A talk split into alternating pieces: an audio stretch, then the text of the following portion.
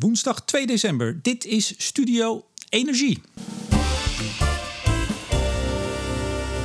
Vorige week kondigde minister Wiebes een aantal wetswijzigingen aan waarmee het einde aan de gaswinning in Groningen ook juridisch wordt geregeld. In de begeleidende video zei de minister: We zijn er nu echt bijna, zeer binnenkort stopt de gaswinning in Groningen. Dat zeer binnenkort is 2022. Betekent het einde aan de gaswinning ook het einde van de Nederlandse aardoliemaatschappij, de NAM? Of ziet het bedrijf nog een rol voor zichzelf? En hoe wordt het einde van Groningen binnen het bedrijf beleefd? Een bedrijf dat na decennia succes nu als de schuldige te boek staat en zich volgend jaar voor een parlementaire enquêtecommissie zal moeten verantwoorden.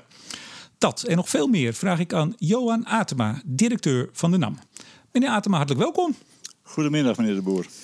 Ik zei het zojuist al, hè, de NAM uh, ja, die staat toch als de schuldig op dit moment te boek. Niet alleen van aardbevingen, maar ook nog eens ja, de, de, frustratie, de boosheid bij de afwikkeling van de schade. Ziet u zichzelf ook als de hoofdschuldige? Ja, ik weet niet of ik in termen van, van schuld en dergelijke wil uh, spreken. Wat ik wel vind is dat wij als NAM, als organisatie, uh, fout hebben gemaakt. En, en daar zullen wij ook transparant en openhartig over zijn. Ik denk dat wij als bedrijf veel geleerd hebben van wat er in Groningen gebeurd is, sinds 2012 zeker. Um, en die fouten, daar hebben wij natuurlijk heel veel jaren over moeten reflecteren van nou, wat leer je van, wat doe je voortaan anders? Um, dus de NAM heeft zeker een grote rol gespeeld in, in, in Groningen, in, in, het krijgen van de aardbeving en met name ook in hoe die uh, in, in de eerste fase werden afgehandeld. Nou, we gaan het daar uh, zo nog uitgebreid over hebben. Parlementaire enquêtecommissie, er komt van alles langs. Misschien wel een andere rol voor de NAM, of geen rol, gaan we het ook allemaal over hebben. Eerst even over u. in maart 2018 kondigde het kabinet aan om te stoppen in Groningen. Een paar maanden later trad u aan, in september. Zijn die twee gebeurtenissen aan elkaar gekoppeld? Nee, die waren niet gekoppeld. Ik wist al een tijdje dat ik uh, deze rol zou nemen. Dat was uh, ook denk ik al voor maart wel ongeveer bekend. Um, en ik denk ook niet dat het mijn uh, beslissing had beïnvloed. Of, of dit wel of niet was besloten. Wij, wisten al, al, al denk ik langere tijd um, ja, dat Groningen, dat deze crisis niet, niet te beheersen valt. Dat het ook niet goed is om een gasveld te blijven produceren wat zoveel ellende veroorzaakt. Dus dat Groningen dicht zou gaan, dat er een einde zou moeten komen aan de gaswinning. Ik denk dat dat bij iedereen wel, wel bekend was. In 2018 zou dat nog uh, tot 2030 duren, geloof ik, een jaar of tien. En dat is later versneld. Maar hoe, hoe gaat het dan? Want u, u werkt al zo'n 20 jaar bij Shell. Of u werkt ja, nu al zo'n 20 jaar bij Shell. Nou, iedere paar jaar wissel je. Dan krijg je dan op een gegeven moment een mailtje. Yo, we hebben een leuke nieuwe baan voor je op het oog. Ja, dat, dat, dat is vaak wel een gesprek. Het is niet alleen maar informatie. Ik heb ook wel eens een baan geweigerd trouwens. Uh, omdat het uh, beslist niet uit kan, uh, uitkwam. Maar ja, dat, dat, dat, daar zit wel een planning in. Dus, dus ik moet eerlijk zeggen dat Shell, maar ook bij de NAM proberen we dat toch wel, een successieplanning noem, noem, je dat, maar dat willen we toch wel beheers doen. Omdat je, het zijn belangrijke rollen, dus daar wil je wel een persoon in krijgen die dat kan en die, dat, die daarvoor opgeleid wordt en die daar ook in gecoacht wordt. Maar to, toen de eerste keer het woord NAM viel, toen het ging over uw volgende baan, is het dan niet toch even een Hmm, moet ik dat nee, wel doen? Waanzinnige eer voor mij. En ik zal je vertellen waarom, maar dat, dat heeft wel een beetje met mijn achtergrond te maken. Ten eerste, ik kom uit Noordoost-Friesland. Dus ik ben een Noorderling, ik ken het gebied. Sterker nog, in, in dat gebied is na Groningen de grootste gaswinning van Nederland. Hè, rondom Eijum, eh, Ternate en al die velden. Dus ik ken het bedrijf. Ik had eerder bij de NAM gewerkt in de midden jaren 90 uh, in een olieveld. En ik had ook in de periode 2008-2011 bij uh, de NAM gewerkt als asset manager voor de kleine velden. Dus ik ken het bedrijf, ik ken met name de mensen. En voor mij was het uh, eigenlijk een grote eer om gevraagd te worden om. En dat was ook een overweging. Ik wil er eigenlijk wel bij zijn nu het zo slecht met dat bedrijf gaat. En ik wil proberen mee te helpen. En dat is niet een soort ijdelheid. Het was toch ja, een beetje eergevoel wel. En ook omdat ik vond dat het bedrijf uh, toch geprojecteerd werd op een manier die ik niet fijn vind. En ik wilde graag een rol spelen om dat toch weer een klein beetje te herstellen. Ja, het ging er op een gegeven moment uh, hard aan toe in het noorden met de NAM. En dan heb ik het over protest en misschien wel meer dan dat. Bedreiging heb ik begrepen. Ik weet niet of u daar iets over kunt zeggen. Maar ik denk dat dat u toen ook al bekend was. Je stapt wel ergens in dan. Ik weet niet of u huisgenoten hebt, maar waren die ook heel blij? ik denk dat mijn kinderen inderdaad wel even gedacht hebben van ja, wat is dit? En nu, zeker toen ik mijn naam overal in de kranten kwamen, dat waren ze natuurlijk ook niet gewend. Dus alle media-aandacht was voor de familie denk ik wel nieuw. En voor mij trouwens ook. Uh, en ik vermoed ook wel dat mijn kinderen dat niet per se heel erg leuk vonden. Maar wat ik ook gemerkt heb, want ik woon in Groningen-Zuid. Mijn kinderen gingen naar school in Haren. Uh, middelbare school, die zijn inmiddels allemaal naar de universiteit toe. Maar dat we eigenlijk nooit in de afgelopen jaren iets vervelends hebben meegemaakt. Ik, ja, het zijn toch nuchtere Noorderlingen. Dus het is niet heel erg persoonlijk. Het is natuurlijk gericht op de NAM.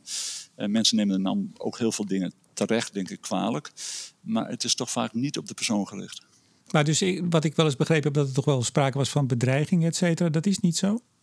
Nou, bedreigingen weet ik niet, heb ik niet zelf meegemaakt. Wat ik wel weet, en dat is ook tragisch moet ik zeggen, dat wij mensen hebben die bij de NAM werken. Best wel veel trouwens, die in Groningen wonen.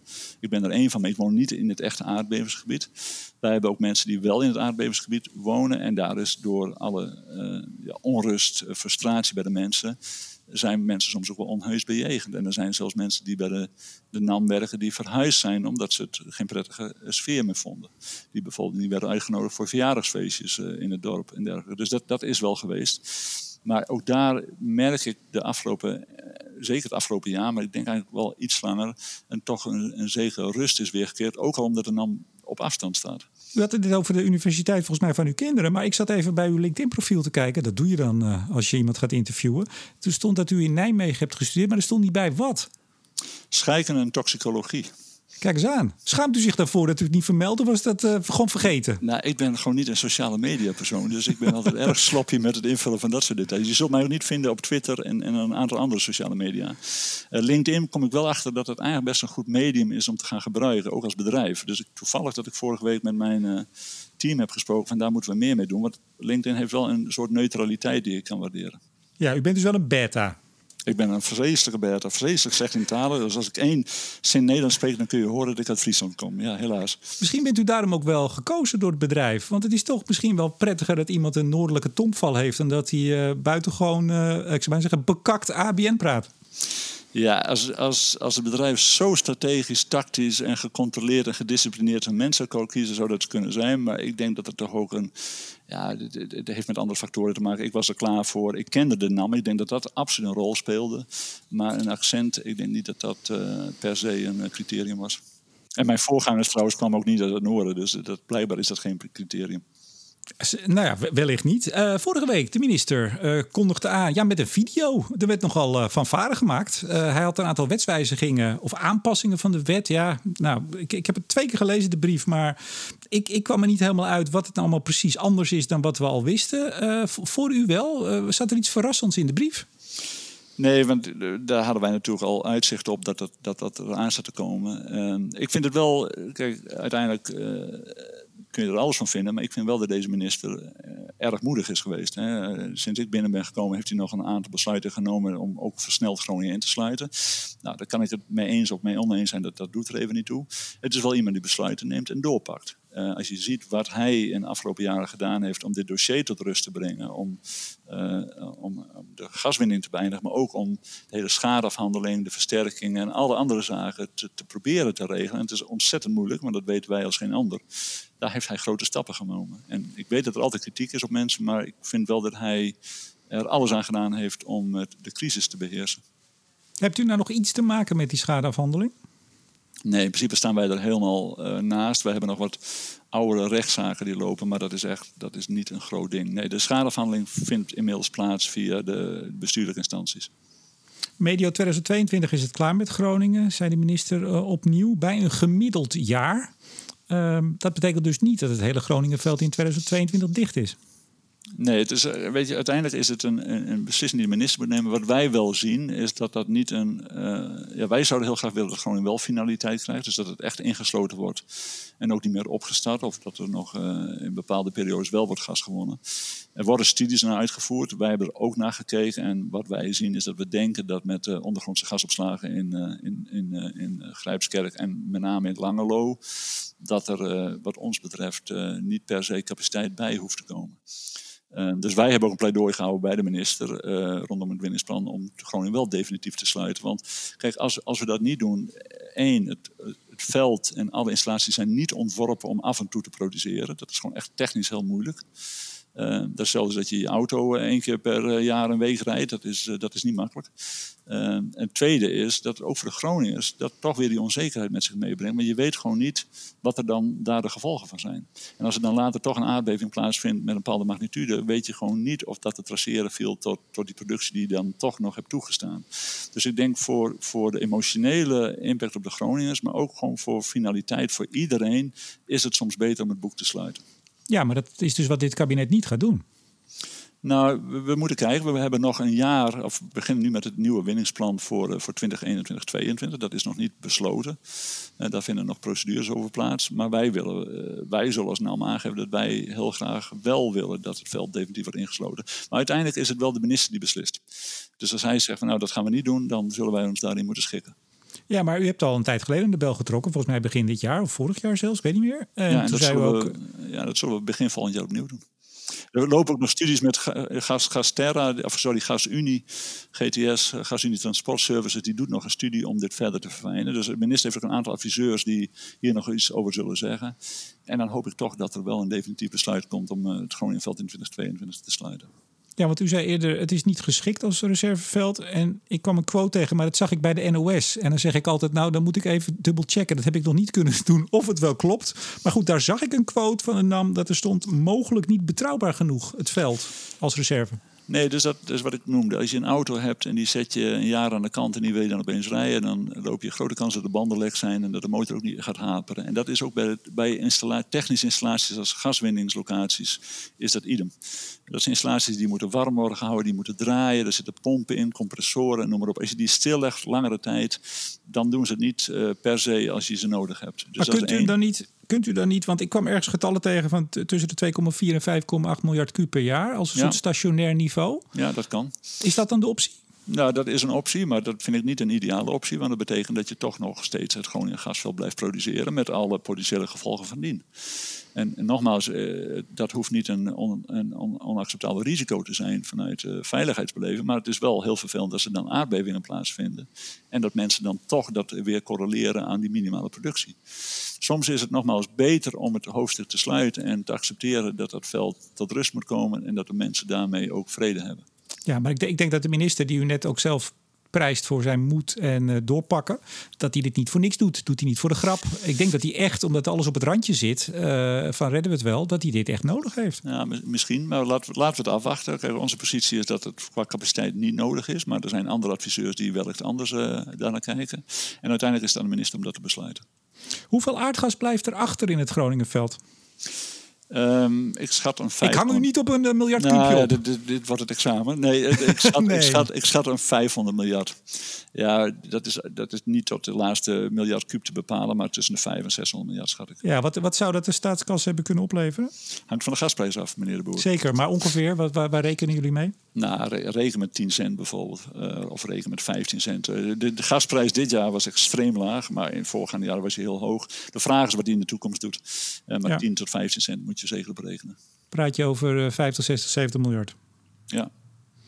Ziet u het ooit nog gebeuren dat er we gaan even lekker voor in de tijd kijken. We gaan vooruit kijken. Dat er ooit nog, want hij wordt gesloten. En of het nou 2022 is of misschien nog een paar jaar stationair draaien. Maar dat er ooit nog een kabinet zal zijn die zegt: Nou, we gaan er toch weer aan beginnen. Er zit toch wel heel veel geld in.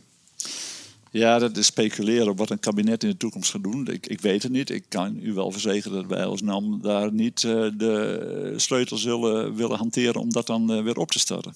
Dus uiteindelijk kan ik niet bepalen wat de overheid en wat wij als samenleving gaan doen. Uh, als er een geweldige crisis plaatsvindt, ja, van alles kan gebeuren. Ehm, maar wij als NAM zullen daar niet een rol in spelen. Nou, we gaan het straks ook hebben over wat voor rol er dan voor NAM is. Misschien bent u er wel niet eens meer. Dat weten we nog niet. We gaan het zo over hebben. Nog één dingetje wat mij altijd een beetje heeft gefrappeerd. Uh, en ik weet niet of u het dossier ook volgt of u bent uiteraard bijgepraat uh, sinds u aantrad als hoogste baas. Maar in het vorige kabinet zei minister Kamp uh, nou heel vaak dat het echt heel lastig was om flink naar beneden te gaan. Hè. De Kamer drong daar al langer op aan. Toen hadden het nog over 30 miljard kuub en het moest nog lager. Uiteindelijk de 12, de bekende 12 miljard kuub.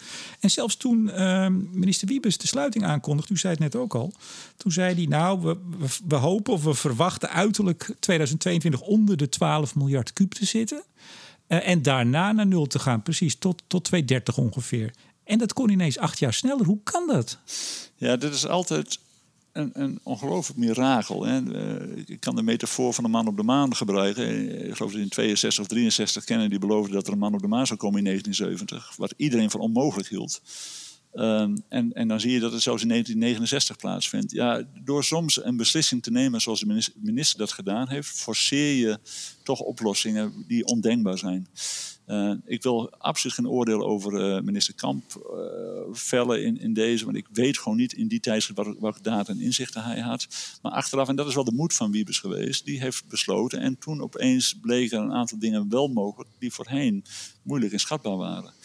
Um, en dit zie je vaker. Hè. Als je soms iets wilt bereiken wat, wat echt anders is, dan moet je soms daar wel heel ambitieus in zijn om dan de zaak te forceren. En dat heeft hij gedaan. Maar dat, dit zal wel een puntje worden bij de parlementaire enquête. Ja. En ik denk bij meneer Kamp wel wat. Uh, burger Henk Kamp die zal wel wat vragen hierover krijgen, nou, vermoed ik. Dat, dat vermoed ik ook. Maar goed, hij, hij kan ze als best beantwoorden. Ja, nee, daar ga, daar, daar ga ik u niet naar vragen. Ik ga u wel vragen. Uh, buiten Groningen, veld. Uh, ja, over een paar jaar is dat weg. Uh, wint u ook nog gas uit kleine velden? Kunt u voor de luisteraars eens schetsen? Ook hier hang ik u niet aan een kuubje op. hoe verhoudt zich de gaswinning uit de kleine velden voor de NAM ten opzichte van Groningen? Ja, natuurlijk. Nou, ten eerste, Groningen doet, zal dit jaar ongeveer um, 8 miljard kuub produceren. Een, een, kleine 8 miljard. Kleine velden verwachten wij dat we nog wel enige tijd tegen de 5 miljard kuub zullen produceren. Dat is ongeveer 3 miljard op het land. Uh, via de velden in Friesland, Noord- en Zuid-Holland, Drenthe en, en ook nog Groningen. Um, en op zee hebben we ongeveer 2 miljard kuub aan de Nederlandse kant. Wij hebben ook nog 2 miljard kuub aan de Engelse kant. Dus uiteindelijk, de totale kleine velden zijn bijna even groot geworden als het Groningenveld. Um, we hebben ongeveer 100 velden. Je moet denken aan een 25 platforms op zee, waarvan 7 bemand. En je moet denken aan ongeveer 20 grote gaslocaties en, clusters in, uh, in Nederland op het land. Daarnaast hebben we natuurlijk ondergrondse gasopslagen die we blijven opereren. Die zullen ook heel erg belangrijk blijven in de toekomst. Grijpskerk en, uh, en uh, Norg-Langelo. En tenslotte, wordt wel eens vergeten, wij zijn ook nog steeds... Um, in bezit van het grootste olieveld van, van West-Europa, Schonebeek, waar we ja, nog voor tientallen jaren aan oliereserves hebben. Ja, sinds 2011 weer, uh, weer begonnen. Ja. Uh, en eigenlijk ook, ik, uh, ik had hem natuurlijk ook even nagezocht. Maar ja, u weet niet voor niks de Nederlandse aardoliemaatschappij. In 1947 begonnen met oliewinning. Dat klopt. Ja, nee, dat klopt. Wij zijn een, een oliebedrijf. En ik weet ook wel dat in de jaren 50 werd er gas gevonden rondom Koevoorde. En dat was ook niet een succes, want niemand wist wat je met het gas moest. we zochten naar olie. En, Gewoon afvakkelen uit... waarschijnlijk toen. Ja, ik weet niet of ze toen afvakkelden, maar in elk geval was het niet heel erg nuttig, want er was geen vraag naar. Toen werd het Groningenveld, het Slochterveld werd gevonden. En dat was zo immens groot dat er toen een, notabene een Amerikaan kwam van Exxon. Die zei van ja, misschien moet je, met, als je zoveel gas hebt, die infrastructuur gaan omzetten naar gas. En dat is uiteindelijk de grote transitie geweest uh, die toen in de jaren 60 en 70 heeft plaatsgevonden, waar Nederland een gasland werd. Anders dan alle landen om ons heen. En dat heeft ons natuurlijk ook waanzinnig profijt opgeleverd en, uh, en heel veel gebracht. Maar goed, nogmaals, uh, de afgelopen acht tot tien jaar heeft Groningen ook veel ellende veroorzaakt. Maar Schonebeek, 1995 geloof ik gestopt, 2011 weer, weer begonnen. Na, na, dus na 50 jaar productie stilgelegd, uh, met nieuwe technologie toch weer te veel uit kunnen halen. U zegt tientallen jaren.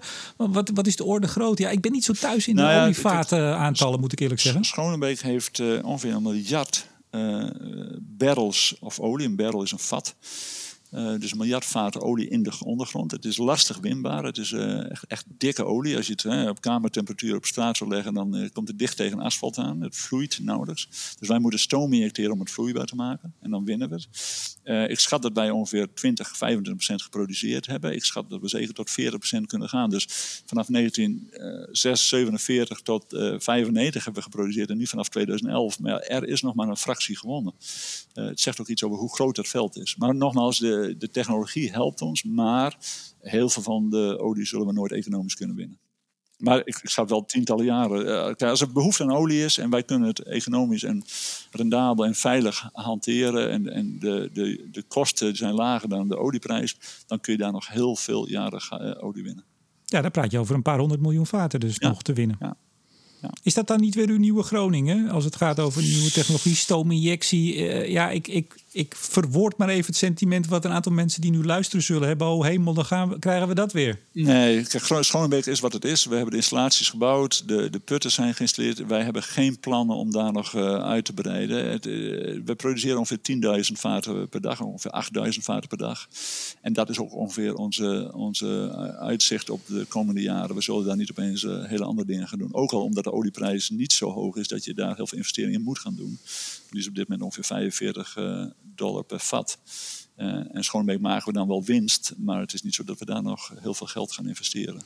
Maar wat, wat, wat ik eigenlijk ook aan refereer is dat, uh, ja, als je zo even zo, ik zou maar zeggen, googelt op NAM, dan vind je ook wel eens wat berichten over een lekkage hier of iets wat is fout gegaan of misschien was fout gegaan. Die berichten zijn er vaak. Ja, nou, vaak, vaak, vaak weet ik eigenlijk niet, maar die nou, berichten kom je tegen.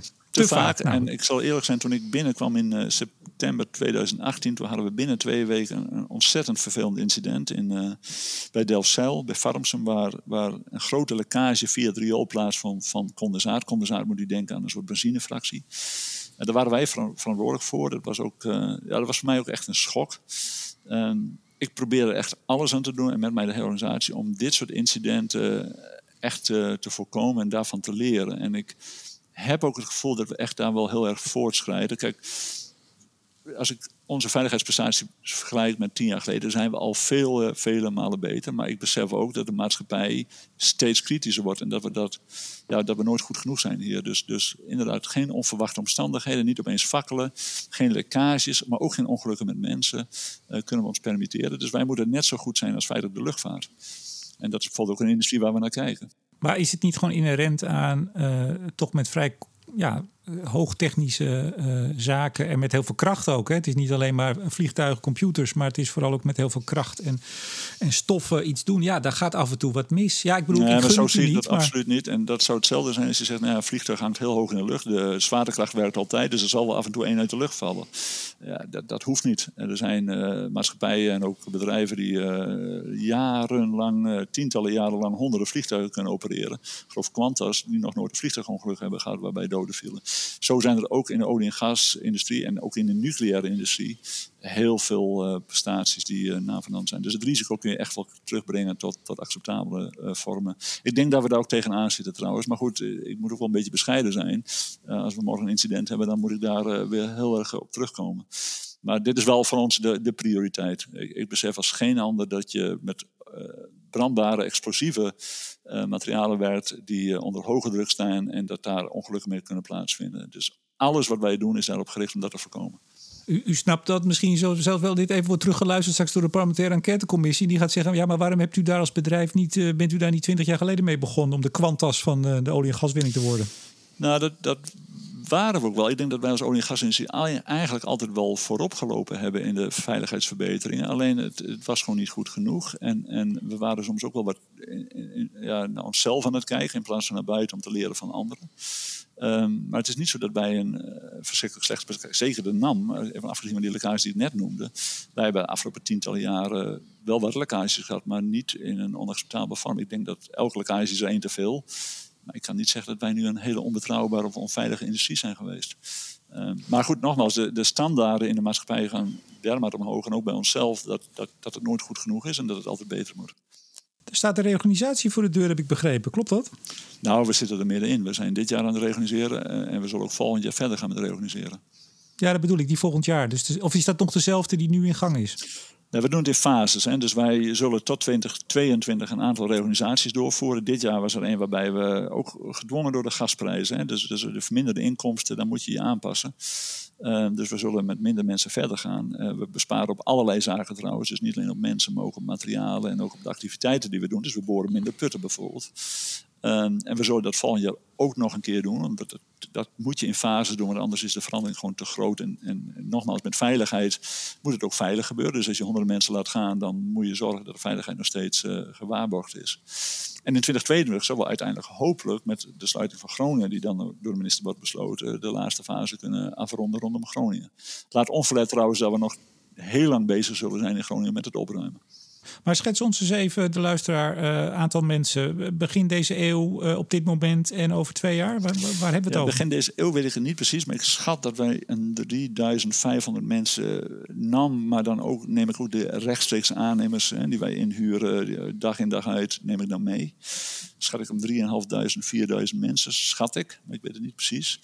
Uh, wij zaten begin dit jaar op ongeveer uh, 22, 2300. Uh, we zullen aan het eind van het jaar op ongeveer 1700 zitten. En nogmaals, dit is niet alleen NAM, dit is ook ingehuurd personeel die wij uh, permanent inhuren. En wij zullen uiteindelijk naar niveau gaan tussen 11 en 1200. Ja, en dan alles wat u doet aan, aan uh, dat andere gas en, en olie, dat ja, dat kan nog uit dus, dan, denk ik. Dat kan nog uit. Kijk, wij hebben eh, op kleine velden um, kun je met zelfs de huidige gasprijs, niet als die 4 cent per kub was, zoals die uh, voor de zomer even werd, maar met de huidige gasprijs kunnen wij die rendabel opereren. Je kunt ook qua reserves in Nederland nog best lang vooruit. Het neemt allemaal wel af. Op dit moment wordt er weinig geëxploreerd, maar misschien is het wel goed om te vermelden. Kijk, Nederland, met name op zee, is onderontwikkeld. En dat was voor de reden dat als je de grootste asset, uh, de grootste gasveld van Europa ongeveer hebt, waarom zou je dan als bedrijf of als maatschappij op zee naar gas gaan zoeken? Dus Nederland is anders dan Noorwegen en Engeland nooit goed onderzocht op zee. Ja, u bent ook laat begonnen trouwens, zelfs nam op ja, zee. Ja, klopt. Ja, jaren negentig pas. Uh, echt, echt uh, de, de offshore-industrie opgebouwd. Maar nogmaals, dat kwam omdat we veel te veel gas hadden. Dus we hadden helemaal geen noodzaak om nog meer gas te vinden. Wat bovendien ook nog veel duurder is om te produceren dan Groningen gas. Maar dat is natuurlijk nu anders. Dus er is wel een pleidooi te houden van... ja, moeten we niet als land, maar ook wij als NAM... zouden erg graag uh, willen gaan exploreren... om alsnog goed te kijken van... zijn er geen grote gasvelden die we over het hoofd gezien hebben. Maar dat, dat is lastig op dit moment, want uh, dat is wat technisch misschien voor de meeste luisteraars. Maar er wordt al een tijd gesproken. Het lijkt er nu van te komen dat de investeringsaftrek verhoogd wordt. Dat u uw investeringen mag aftrekken, althans meer daarvan, al ja. 40 procent. Ja. Uh, is, is dat nou rond? Want ik vraag het altijd bij iedereen. Het is nog niet spreekt. rond. Het gaat uh, komende weken met die nieuwe wetgeving uh, naar, door het parlement. Um, en ik moet eerlijk zeggen, dit is wel te weinig. als, maar ik kan het vergelijken met wat er aan de Britse kant gebeurt. Want ik ben ook verantwoordelijk voor de, voor de Engelse deel van de Zuidelijke Noordzee. Um, daar zijn de investeringsvoorwaarden vele malen beter. En helemaal je het vergelijkt met Noorwegen. En als je dus kijkt naar de Noordzee als geheel en de landen die daar gas en olie winnen, dan loopt Nederland wel echt achterop met het creëren van de omstandigheden waardoor bedrijven willen investeren. En ik heb het hier niet over subsidies, uh, want dat, zo wordt het snel genoemd. Hier gaat het over dat je minder belastingen betaalt over de winsten die je maakt. En uh, dat je meer aftrek hebt op belasting. Meneer Atema, minder belasting betalen en iemand van Shell die dat zegt, dan weet u hoe dat meteen wordt opgevat. hè? Ja. ja, het woord belasting. Ja. Maar goed, even los van, van Shell of NAM.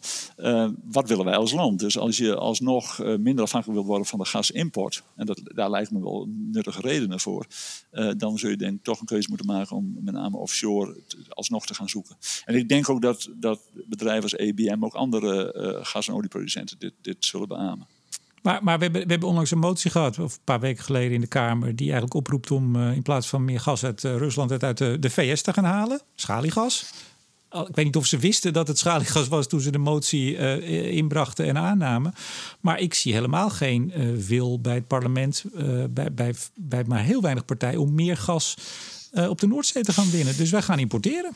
Ja, dat doen we nu. En ik laat ik twee redenen geven. Nog veel meer. Ja, en ik laat ik twee redenen geven waarom dat ik dat niet per se een gunstige ontwikkeling vind. Eén is, is heel simpel dat ons eigen gas is schoner. Kijk, als je vanuit CO2 en klimaat denkt, dan is, is zeker LNG, en dat is dus het, gas uit Amerika, ook het Russisch gas, is, is echt veel minder schoon met veel meer CO2-uitstoot dan ons eigen gas. Dus dat vanuit een klimaatgedachte zou je moeten feitelijk moeten stimuleren. Zo'n 25 procent, hè? Ja, ik ook 30 procent een keer gelezen van de Universiteit Delft.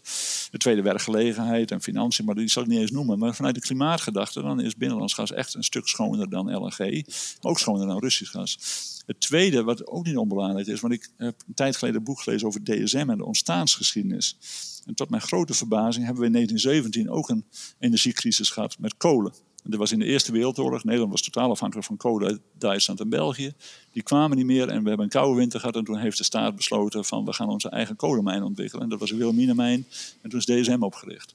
Ja, we zitten in 1973 met de, de oliecrisis ongeveer hetzelfde. Toen is het kleine veldenbeleid ontwikkeld. Omdat we ook minder afhankelijk wilden zijn van Arabische olie. En met name het Groningenveld wilden beschermen ja, feitelijk zitten we weer op hetzelfde kantelpunt. En misschien is er een uh, andere context nodig, waarbij je moet zeggen: oké, okay, maar hoeveel afhankelijk wil ik worden van alle import? Uh, maar dat, de geschiedenis leert uh, dat dat niet altijd per se goed is. Je moet denk ik wel een buffer hanteren dat je ook zelf nog je energie kunt voorzien. Ja, maar meneer Atema, leren we veel van de geschiedenis over het algemeen? Ja, ik vind dat een, dat is een hele filosofische vraag. je zou nee kunnen zeggen. Um, aan de andere kant, ik denk dat als er iets gebeurt waardoor we met de neus op de feiten worden gedrukt, het kan, kan geopolitiek zijn of iets anders. Ik denk dat we dan toch wel die discussie uh, geopend zullen zien. Kijk, het is niet aan mij als NAM-directeur om hier veel van te vinden of dit aan te stimuleren. Maar ik, ik, als observant zie ik het. Ja, maar je, je, zou natuurlijk ook kunnen zeggen dat de problemen die de NAM heeft uh, nou ja, veroorzaakt of op zijn naam heeft, laat ik het iets neutraler zeggen, dat maakt dat we nu uh, echt, we mogen op land al niet eens meer zoeken naar gas. Hè? U mag niet, u mag niet exploreren. Um, ja, op zee is het allemaal moeilijk, moeilijk. In ieder geval veel minder uh, uh, interessant dan het in andere landen te doen. Ja, dat komt mede door het imago van gaswinning door ja, Groningen. Dat komt door, dat komt door Groningen. En als ik heel eerlijk mag zijn, dat is ook terecht dat mensen zich zorgen over Groningen maken. Maar laten we even eerlijk zijn. We hebben 200 kleine velden in Nederland, waarvan pakweg een vijf seismiciteit met zich mee hebben gebracht. Roswinkel is een bekend voorbeeld. Maar ook 95% niet. Dus je kunt op een hele veilige manier gas winnen. Dat doen we ook al tientallen jaren in West- en uh, Noord-Holland. We doen het in of Zuid- en Noord-Holland. We doen het in Friesland. We doen het in Drenthe. De meeste gasvelden zijn prima veilig te opereren. Groningen is echt een uniek veld qua grootte, ook qua ondergrond. En, en daar is het nu niet meer veilig om te opereren. Of, of veel gas te winnen. Um, maar dat wil niet zeggen dat de kleine velden niet uh, veilig uh, te, te, te, benutten zijn. En dat zijn ze namelijk wel. En, en ja. de statistiek spreekt voor zich. Maar ik, ik heb in, volgens mij was het 2018 of 2019, een, een Tilburgse wethouder die hierover ging geïnterviewd. Die zei: nee, wil het niet meer. Wil nee, dat kan. Haal maar ergens anders vandaan. Meneer de Boer, ik ken één gemeente die vertelde mij dat ze geen uh, gaswinning wilde. Die wilde ook geen uh, zonneparken. Die wilde trouwens ook geen windmolens en ook geen geothermie. Maar ze willen wel energie. Uh, dus ja, uiteindelijk komt dan toch de walkeert het schip. Als wij het niet willen met z'n allen, dan, dan gaan we dat niet doen. Maar uiteindelijk denk ik wel dat er ook keuzes gemaakt moeten worden vanuit uh, leveringszekerheid. Uh, nogmaals, ik ben maar een observant hier. Maar ik kan me voorstellen dat op termijn, en de NAM zal er dan ook absoluut aan mee gaan werken, dat we toch een heroverweging krijgen rondom energiebeleid. En dat wij heel graag op zee nog verder zouden ontwikkelen, meer gas produceren en, en ons eigen land voorzien van, uh, van, van schone gas feitelijk. Maar ook op het land kunnen we nog tientallen jaren vooruit met de bestaande velden. Nou, u bent er observant. Zal ik dan gewoon eens als interviewer er uh, iets over zeggen? Wij gaan steeds meer importeren. Nederland wordt een importland. Dat zie je op allerlei terreinen. En dat gaat net zo lang door tot er een keer echt een crisis is. Het hoeft niet een hele grote te zijn. Laten we hopen dat het een heel kleintje is. Maar dat er ineens delen uitvallen. Of dat we ineens geen gas hebben of uh, zoiets. En dan komt er ook een parlementaire enquête. Uiteraard. en dan mag u ook verschijnen. Waarom u niet eerder gewaarschuwd hebt dat het toch mis kon gaan. Maar goed, ja. dat is even mijn eigen observatie. Ja, we hebben dezelfde um, discussie gehad met mondmaskers en de, alle leveringen uit China in de afgelopen pandemie. Of we niet zelf onze eigen eh, werkvoorraden moeten kunnen maken. Nee, dat, dat, klopt. Soms heb je een crisis nodig om met de neus op de neus. Ik hoop niet op die crisis trouwens, maar goed, nee, soms, soms helpt het wel om weer even te realiseren wat je hebt en wat je nodig hebt. Dat hopen we allemaal niet, uiteraard. Um, waar ik was benieuwd naar ben, omdat ik u nu toch spreek... en ik spreek u, uh, nou, dit is de eerste keer. Ik wou zeggen niet dagelijks, nee, ik spreek u nooit. Hoe is de stemming binnen het bedrijf? En dat bedoel ik breed. En dan heb ik het natuurlijk niet over u en, de, en uw directieleden alleen. Maar, ja, ik snap, uh, het. Nee, ik snap het. 2018, nou, we gaan stoppen. Uh, er zijn mensen, uh, heb ik wel eens begrepen... die soms al meerdere generaties in het bedrijf werken. Ja. Um, hoe is de stemming? Ik denk dat er een uh, gemengde gevoelens zijn. Eén is, ik denk rondom Groningen zijn mensen opgelucht dat wij niet meer zoveel in, in, de, in de media zijn. Dat er niet meer zo over ons wordt gesproken als er in de jaren hiervoor wel is gebeurd. Dus het is echt veel rustiger. Dat is voor mensen heel prettig. En nogmaals, ook omdat ze familie hebben. Ook omdat ze naar verjaardagsfeestjes gingen en, en zich daar soms moesten verdedigen om, omdat ze bij de NAM werd. Dus ik denk dat dat voor mensen echt een opluchting is.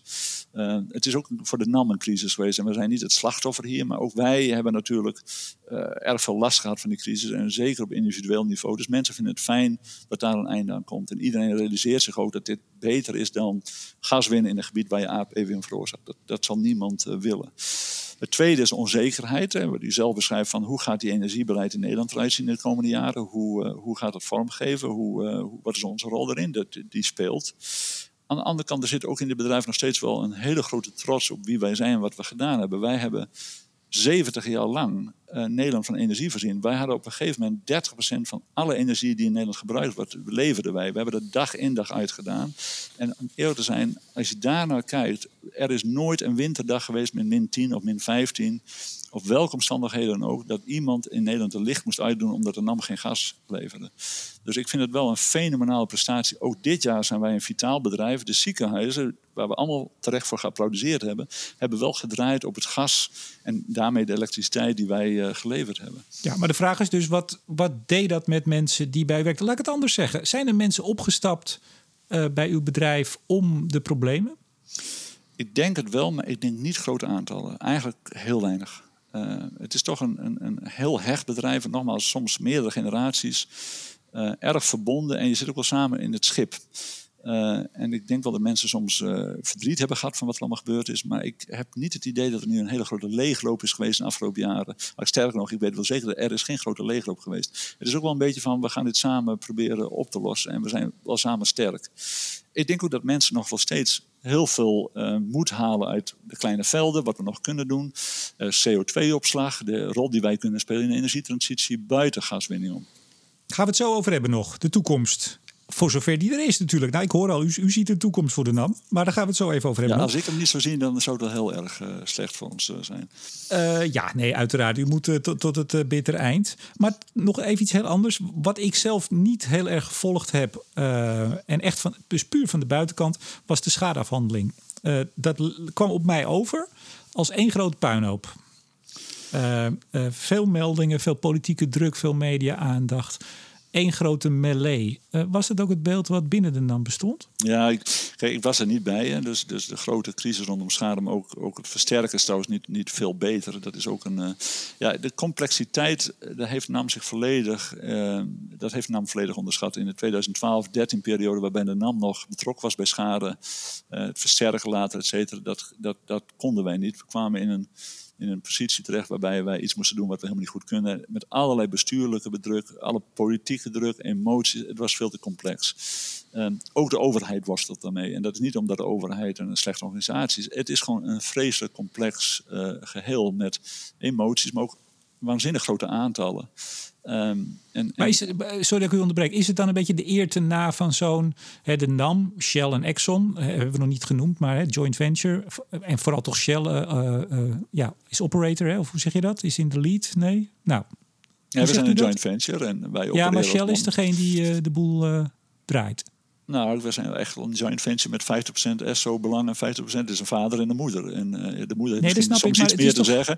Nou, ik heb formeel is Shell de bestuurder, maar dat is, dat, dat is meer formeel. Maar uiteindelijk uh, runnen wij de bedrijf echt als een joint venture. Ja, maar, maar, maar goed, Shell, um, nou, die bestaat ook al een tijdje en die waren heel machtig. Er is vandaag, we nemen dit op, uh, op dinsdag op, een, een rechtszaak tegen Shell begonnen, maar die waren heel machtig. En uh, een zekere arrogantie, uh, en dan zeg je het heel netjes, zou je ze misschien kunnen toedichten.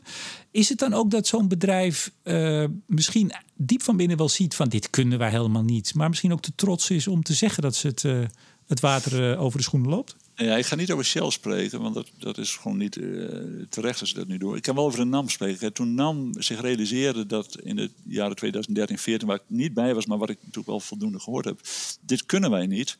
Uh, maar daar kwamen ze wel achter. Dit is gewoon niet iets. Wij kunnen gasputten boren, wij kunnen gas winnen, we kunnen die zaken opruimen, we kunnen olievelden ontwikkelen. Dat kunnen wij allemaal heel goed.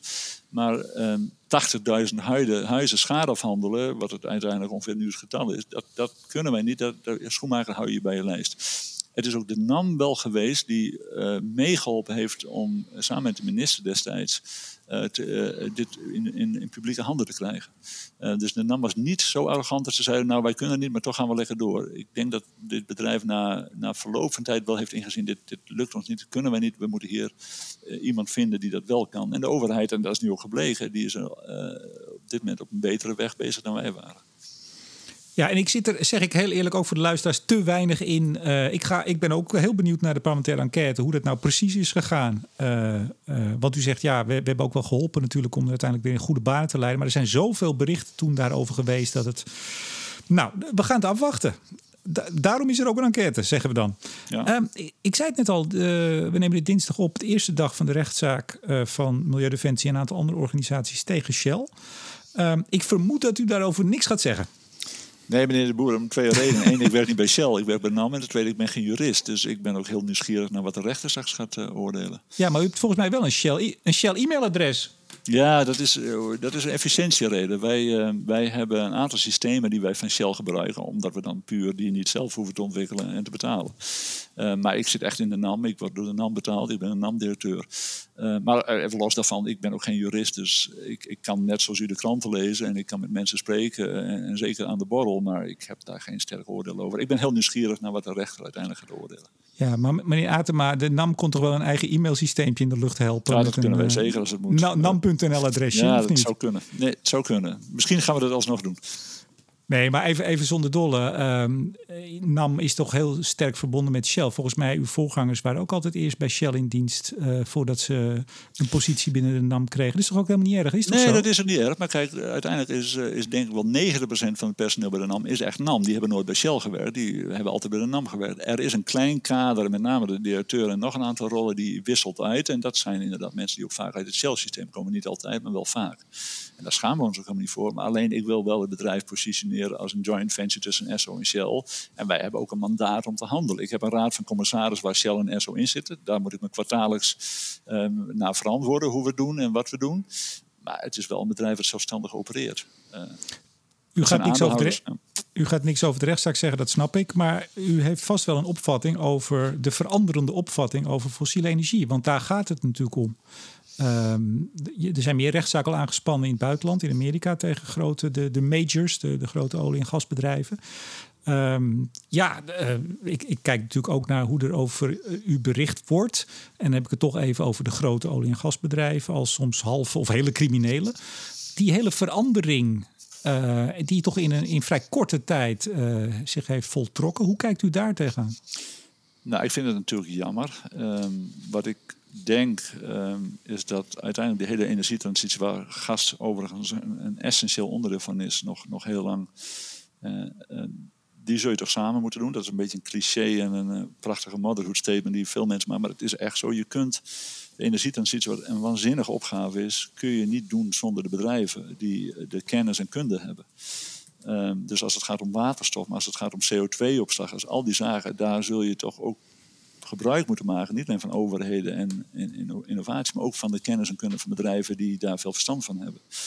Dus ik denk, en ik, zeker als NAM, wij zullen blijven ondersteunen waar we kunnen. En ik denk dat wij een rol kunnen spelen in die energietransitie naar duurzame energie. Feitelijk is ook dat wat wij willen. Ik ben niet anders dan een Belgenburger in Nederland ook. Ik wil ook feitelijk naar een, naar een klimaatneutrale oplossing toe. Ik besef alleen wel dat dat tientallen jaren gaat duren. Dat het beheersbaar moet worden, dat het betaalbaar moet worden. En nogmaals, dat fossiele energie nog een lang onder, langdurig onderdeel van die oplossing is. Maar we bouwen het wel af en we gaan uiteindelijk wel naar een andere vorm van energie. Um, ja, dus ik, ik, ook voor Shell en, en al die andere bedrijven zal gelden. Ja, die hebben expertise, die hebben vaak ook het kapitaal en de know-how en ook de infrastructuur die je zult kunnen gebruiken om dit goed te doen. Uh, CO2-opslag is een goed voorbeeld. Dat gaan we vanzelfsprekend niet op het land doen, maar op zee. Het zou raar zijn als je daar nieuwe gasputten of nieuwe putten voor gaat boren. Dan ga je bestaande infrastructuur gebruiken en dan ben je vrij snel terechtgekomen bij een bedrijf als NAM om daarin te helpen.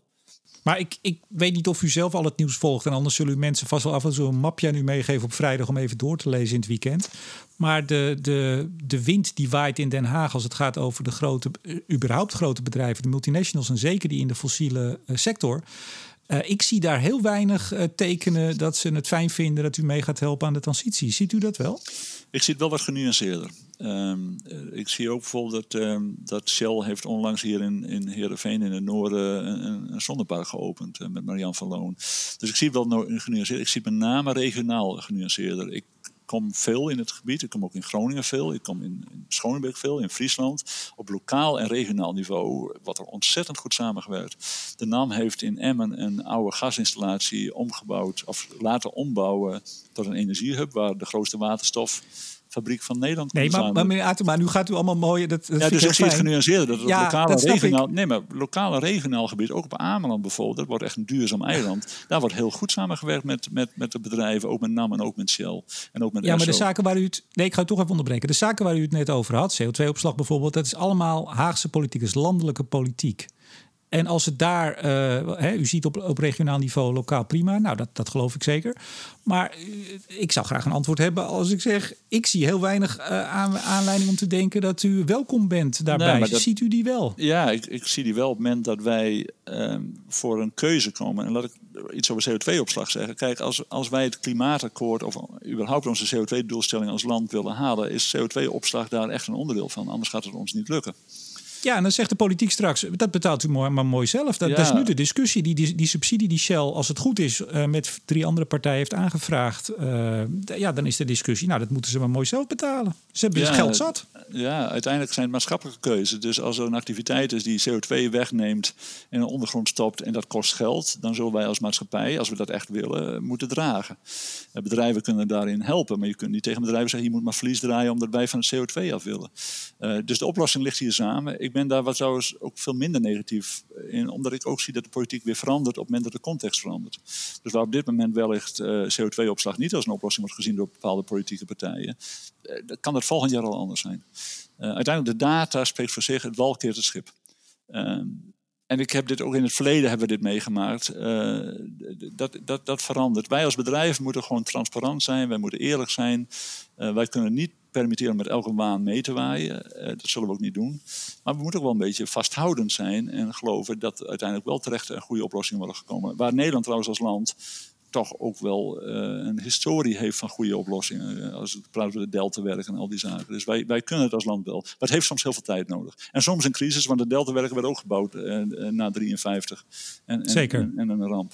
Volgens mij toen ze u aanzochten als, uh, als opvolger van meneer Schotman... toen zocht ze ook iemand die erg, erg uh, bovengemiddeld optimistisch was, is. Ja, nou dat, dat weet ik niet. Ik weet het niet hoe optimistisch Schotman was. Ik ben eigenlijk best wel een realist, meneer de Boer. Maar ik, ja, Weet je, ik, ik, ik, geloof wel in de maakbaarheid van een aantal zaken. Ik snap ook soms dat het, dat frustreert mij ook wel eens. Het, het kan soms tijd duren en ik ben best ongeduldig. Dus ik vind ook dat het soms veel te lang uh, geldt. Maar goed, in een land waar gepolderd wordt, moet je wel accepteren dat soms dingen tijd nodig hebben om opgelost te worden. Uh, dat zie je op heel grote maatschappelijke complexe dossiers zie je dat uiteindelijk wel gebeuren. Het pensioenakkoord zal er ook komen. Heeft ook jaren geduurd, had misschien ook eerder gemoeten. Maar uiteindelijk als land weten wij wel structureel en met elkaar oplossingen te vinden. Het gaat alleen trager dan u en ik misschien willen.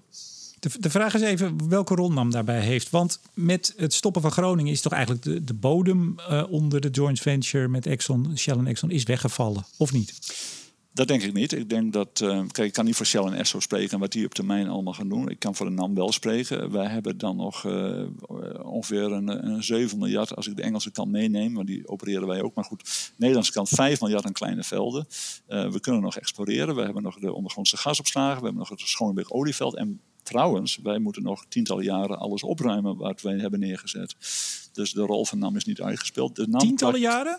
Ja, kijk, 300 putten in Groningen en je ruimt één put per maand op. Ook al doe je er twee boortorens, uh, zet je erop om dat te doen. Dat wordt een langdurige operatie. Gelukkig ook met veel werkgelegenheid. Dus dat, dat maar je doet het toch niet allemaal achter elkaar? Je pakt er toch wel een paar tegelijk, neem ik aan, of niet? Nou ja, één boortoren kan één put opruimen at the same time. Dus dat, dat duurt hij dan een maand over. Dus hij kan er 10, 12 per jaar. Je kunt nog een tweede boortoren inhuren. Uiteindelijk kun je er niet tientallen inhuren, maar die zijn er niet. Uh, maar dit gaat, het opruimen van alle gasinfrastructuur uh, in Nederland, ook op zee, gaat echt heel lang duren. En maar daar heb je geen duizend man voor nodig of 1300 of zo? Uh, dat weet ik niet. We hebben het nooit echt uitgerekend. Maar met aannemers en ondernemers heb je daar aardig wat mensen voor nodig. Maar goed, weet je, ik wil me niet vasthouden getallen. De NAM wordt een kleine bedrijf. Dat, dat, dat is onherroepelijk. Dus door, door met kleine velden, door met Schonebeek, door met uh, kleine velden on, uh, onshore, offshore, misschien nog wat zoeken. En, en met onze kennis en kunde meehelpen in, in de situatie rondom geothermie. CO2-opslag, eventueel waterstof op termijn. Daar zullen wij absoluut. wij hebben 1500 hoogopgeleide mensen in Noord-Nederland. Er zijn niet veel bedrijven die dat hebben. Dus als er hier een waterstofinfrastructuur komt, dan kom je al vrij snel bij een aantal bedrijven terecht en NAM is er één van. Nou, dan zag ik in uw cv dat u ook directeur Shell Geothermal, oftewel Shell Geothermie bent. Moet dat dan niet NAM Geothermie zijn? Ja, dus uh, ja, dit is een beetje een, een, complexe topic, maar ik zal hem toch proberen uit te leggen. Wij zijn een joint venture, we hebben een vader en een moeder. Soms heb je dat je moeder op wintersport wil en je vader niet. nou, dan ga je met je moeder op wintersport. En hier geldt dus dat Shell wil wel geothermie doen. En Esther zegt, nou, weet je, daar geloven wij niet zo in. Dan ga je met je moeder op wintersport. En dat doen we hierbij als NAM ondersteunen Shell in het doen van geothermie. Toevallig ben ik daar ook nog de directeur van, maar dat gaat wel veranderen. We gaan dat volgend jaar overdragen aan Shell. Ja, u bent vice, ook vicepresident Shell Upstream Netherlands, Germany en One Gas West. Het is te veel om te noemen, ja. Ja, maar goed, uh, ja, ik snap wel dat u een Shell uh, mailadres hebt. Maar dat terzijde. Nee, maar is dit ook niet, want ik zeg trouwens steeds Exxon, maar het is Esso, hè? Ja, voor de goede orde. Ja, Exxon is een Engelse naam. Wij noemen het ja. Exxon. Esso is de downstream in Nederland. Maar het is eigenlijk Exxon, ExxonMobil. Ja. maar ik, ik, ik hoor altijd, en u kunt, kunt daar dat bevestigen of ontkennen, dat, dat Exxon en sowieso ook de bedrijven Shell en Exxon, Shell, die wil en probeert heel sterk in die transitie, nou, ik zou bij zeggen BP te volgen. En Exxon is toch meer van het, uh, we gaan nog lekker door met, uh, vooral met fossiel. Scheiden hier niet op een gegeven moment gewoon de wegen in dat pieterpeuterige Nederland, waar nog een beetje een putje hier, een putje daar, een beetje geothermie, dat Exxon op een gegeven moment zegt, nou, of Esso, we stappen eruit? Ja, ik weet het niet. Dat moet hij echt aan Exxon vragen. Uh, dat zullen ze mij niet als eerste vertellen. Uh, nee, ik weet het niet. Ik weet niet wat. Uh, Esso heeft hier ook een, een downstream presence. Ze maken ook chemicaliën. Ze hebben een raffinaderij. Dus ja, dan moet hij meneer Rolf de Jong bellen van Esso. En die kan u daar zeker antwoord op geven. Oh jee, die, die man krijgt nou allemaal telefoontjes meteen. Um, maar dus verkoop kleine velden is geen optie. Er, er wordt niet al gewerkt aan een, een mooie bid om op de markt te zetten. om de boel in de verkoop te doen? Wij, wij, wij hebben historisch altijd velden verkocht waar een ander meer waarde uit kan halen. Dus als wij op een gegeven moment een veld hebben, ook een klein veld waar wij niet zien dat er nog veel waarde in zit en een ander, een, een, tegenpartij ziet van, van wij denken wel dat er meer gas te winnen valt, of wij kunnen daar meer gas uit halen, of wij kunnen dat goedkoper, zullen wij altijd die opties open houden. Dat hebben we ook in het verleden gedaan. Hè. We hebben al die jaren, afgelopen tien jaar, hebben we ook gasvelden verkocht op zee, op land. Dat zullen we altijd blijven doen. Ja, maar zegt u nou dat het inderdaad wel eens dan toch einde oefening kan zijn op een gegeven moment? Nee, dat zeg ik niet. Ik denk, kijk, die, die gasvelden die wij opereren, nogmaals, het zijn er nog honderd. Uh, gaan we die allemaal in één keer verkopen? Nee, absoluut niet. Maar u vraagt van, is er een mogelijkheid dat je nog een aantal velden van de hand doet? Dat, dat is altijd de mogelijkheid. Ik ga er niet op vooruitlopen wanneer we dat gaan doen en hoe we het gaan doen en of we het gaan doen. Maar dat, daar kijken wij altijd naar. Als een ander meer waarde ziet in, in wat je bezit, dan moet je toch overwegen om die ander dat te laten doen. Uh, maar concrete plannen nu uh, specifiek voor gasvelden die we willen verkopen, uh, hebben we niet. Ik uh, zag nog een quote van uw voorganger Gerald Schotman. Dat was oktober 2016. Uh, toen zei hij, nou het is absoluut denkbaar dat er leven is voor NAM uh, straks na het gas. Maar van, van NAM 2.0 wilde hij toen nog niet spreken. Uh, wilt u dat wel inmiddels? Nee, want dat, dat insinueert iets wat ik... Ik weet eigenlijk niet eens wat dat betekent, NAM 2.0. Ik denk, weet, weet u wat ik al zei meneer de Boer? Wij als NAM zullen nog heel lang olie en gas willen en kunnen winnen. En zolang de maatschappij die behoefte heeft aan olie en gas, zullen we dat blijven doen. Dus NAM 1.0 is nog steeds heel erg goed. Um, gaan we NAM 1.1 versie maken met, met geothermie ondersteuning aan Shell en CO2-opslag op, op zee en een aantal andere zaken? Ja, vanzelfsprekend. Maar ik zou niet willen pretenderen dat het bedrijf helemaal omvormen tot een ander bedrijf. Wij zullen in essentie een gasbedrijf blijven. Uw voorgangers waren zo'n drie, vier jaar, vijf jaar uh, de baas bij uh, NAM. Uh, als het vier jaar zou zijn, dan zwaait u in 2022 als, uh, als Groningen dicht gaat precies af. Wat een timing zou dat zijn, ja. Ja, dat, nou, dat klopt. Als het vier jaar zou zijn, zou ik over twee jaar weggaan. Dat klopt. Ik heb nog geen uh, concrete datum wanneer ik weet dat ik weer wegga of niet blijf. Ik vind de baan, moet ik eerlijk zeggen, echt ontzettend leuk. En dit, dit gelooft niet iedereen, maar ik ga echt met heel veel plezier naar mijn werk toe. Ik vind het ontzettend leuk wat ik kan doen. Ik haal heel veel eer uit mijn werk. Ik voel dat, ik, dat we ontzettend goede dingen aan het doen zijn met z'n allen. Um, dus ja, ik, voor mij hoeft het nog niet te eindigen. Uh, volgend jaar, als het goed is, start volgend jaar die parlementaire enquête, gaswinning Groningen. Ziet u daar tegenop of kijkt u daarnaar uit? Nee, daar zie ik niet tegenop. Nee, ik weet, wat ik op hoop is dat er, uh, ik denk dat er zo'n enquête een belangrijke rol kan spelen. Ik, ik hoop dat er een, een, toch een soort waarheidsbevinding plaats gaat vinden. Die, die kan ook louterend werken. Wat heel jammer zou zijn als het een heel politiek proces wordt, maar die kans is er natuurlijk ook. Maar dat laat onverlet, ik ga erheen en ik ga een eer en geweten antwoorden geven en, en zeggen wat ik vind. En, en dan geloof ik niet dat ik me zorgen moet maken.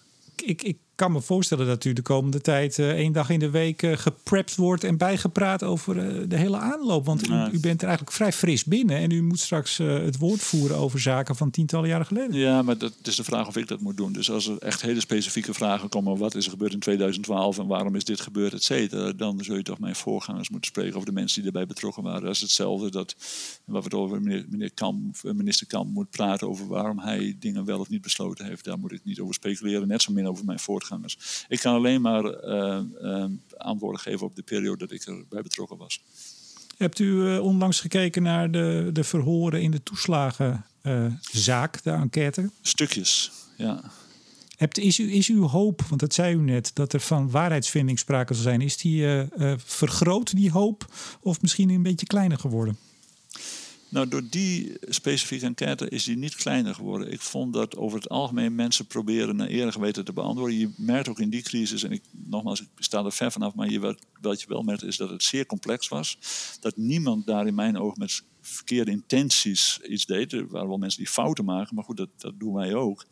Ehm, en ik hoop ook dat dat in Groningen naar voren komt. Het was een complexe issue. Dit bedrijf, ook de mensen in het bedrijf, ik geloof niet dat die verkeerde intenties hadden. Hebben wij fout gemaakt? Absoluut. En moeten we daar rekenschap over afleggen? Absoluut. Um, dus daar ben ik ook niet bang voor. Um, dus die, die belastingaffaire liet mij zien hoe complex het was en hoe een systeem kan ontsporen. Nou, we zullen dat voor Groningen ook moeten bekijken of het een systematische fout was of dat er individuele fouten zijn gemaakt. Maar ongeacht wat er ook is gebeurd, ik geloof niet in dat hier verkeerde intenties uh, zijn, zijn geweest. Mensen wilden echt het goede doen, maar uh, nogmaals, er zijn ook door de NAM en ook met, door de mensen de NAM echt foute inschattingen gemaakt.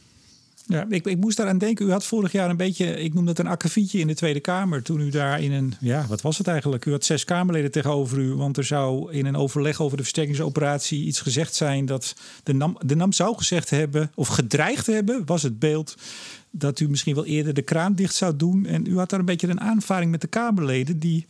Nou ja, mensen moeten het anders maar nazoeken. Ik, ik zag dat toen en ik las het nog eens terug van de week. Toen dacht ik, ik weet niet of u nou echt staat te springen op zo'n uh, op zo'n oh, verhoor door Kamerleden. Ook vorig jaar niet verkeerd vertrokken. Uiteindelijk, kijk, als er een aantijging is naar de NAM, of in dit geval naar een individu naar de NAM, en ik vind die onterecht en er was ook geen enkel bewijs voor, dan zal ik daar uh, tegen spreken en dan zal ik daar ook voor gaan staan. En dan weet u, dan heb ik het recht aan mijn zijde in mijn ogen. En dan vind ik dat ook helemaal niet vervelend.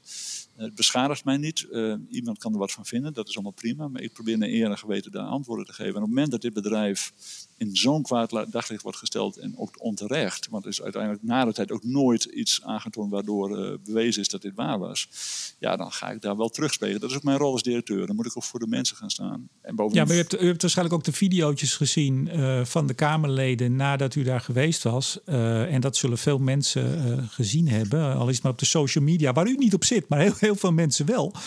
Ja, daar werd u toch nog eens even, of zij vonden dat, nou ja, het was een heel gedoe, maar u kwam er, ik vond niet dat u er nou zo fijn van afkwam. Ja, de Kamerleden waren erg kritisch op u. Ja, maar meneer de Boer, ik kom daar niet om een soort populariteitswedstrijd te winnen. Dat zal ik ook niet met de parlementaire enquête doen. Ik probeer echt eerlijk een eerlijk weten te antwoorden. En als sommige mensen daar zeker met een politieke overtuiging iets van vinden, dan is dat goed, hun goed recht.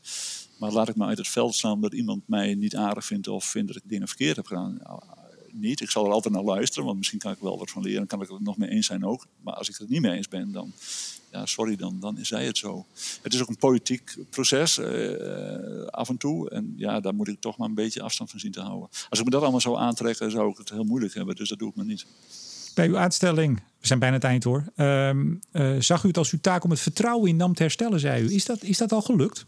Nou, of bent u op weg? Of hoe, ik denk dat wij op weg zijn. Ja, ik, ik, wat ik merk is dat met name in de media, maar die spelen toch een belangrijke rol, dat daar veel meer rust is gekeerd. We hebben ook, ik heb interviews gehad, ook met lokale media, Dagblad van het Noorden, RTV Noord.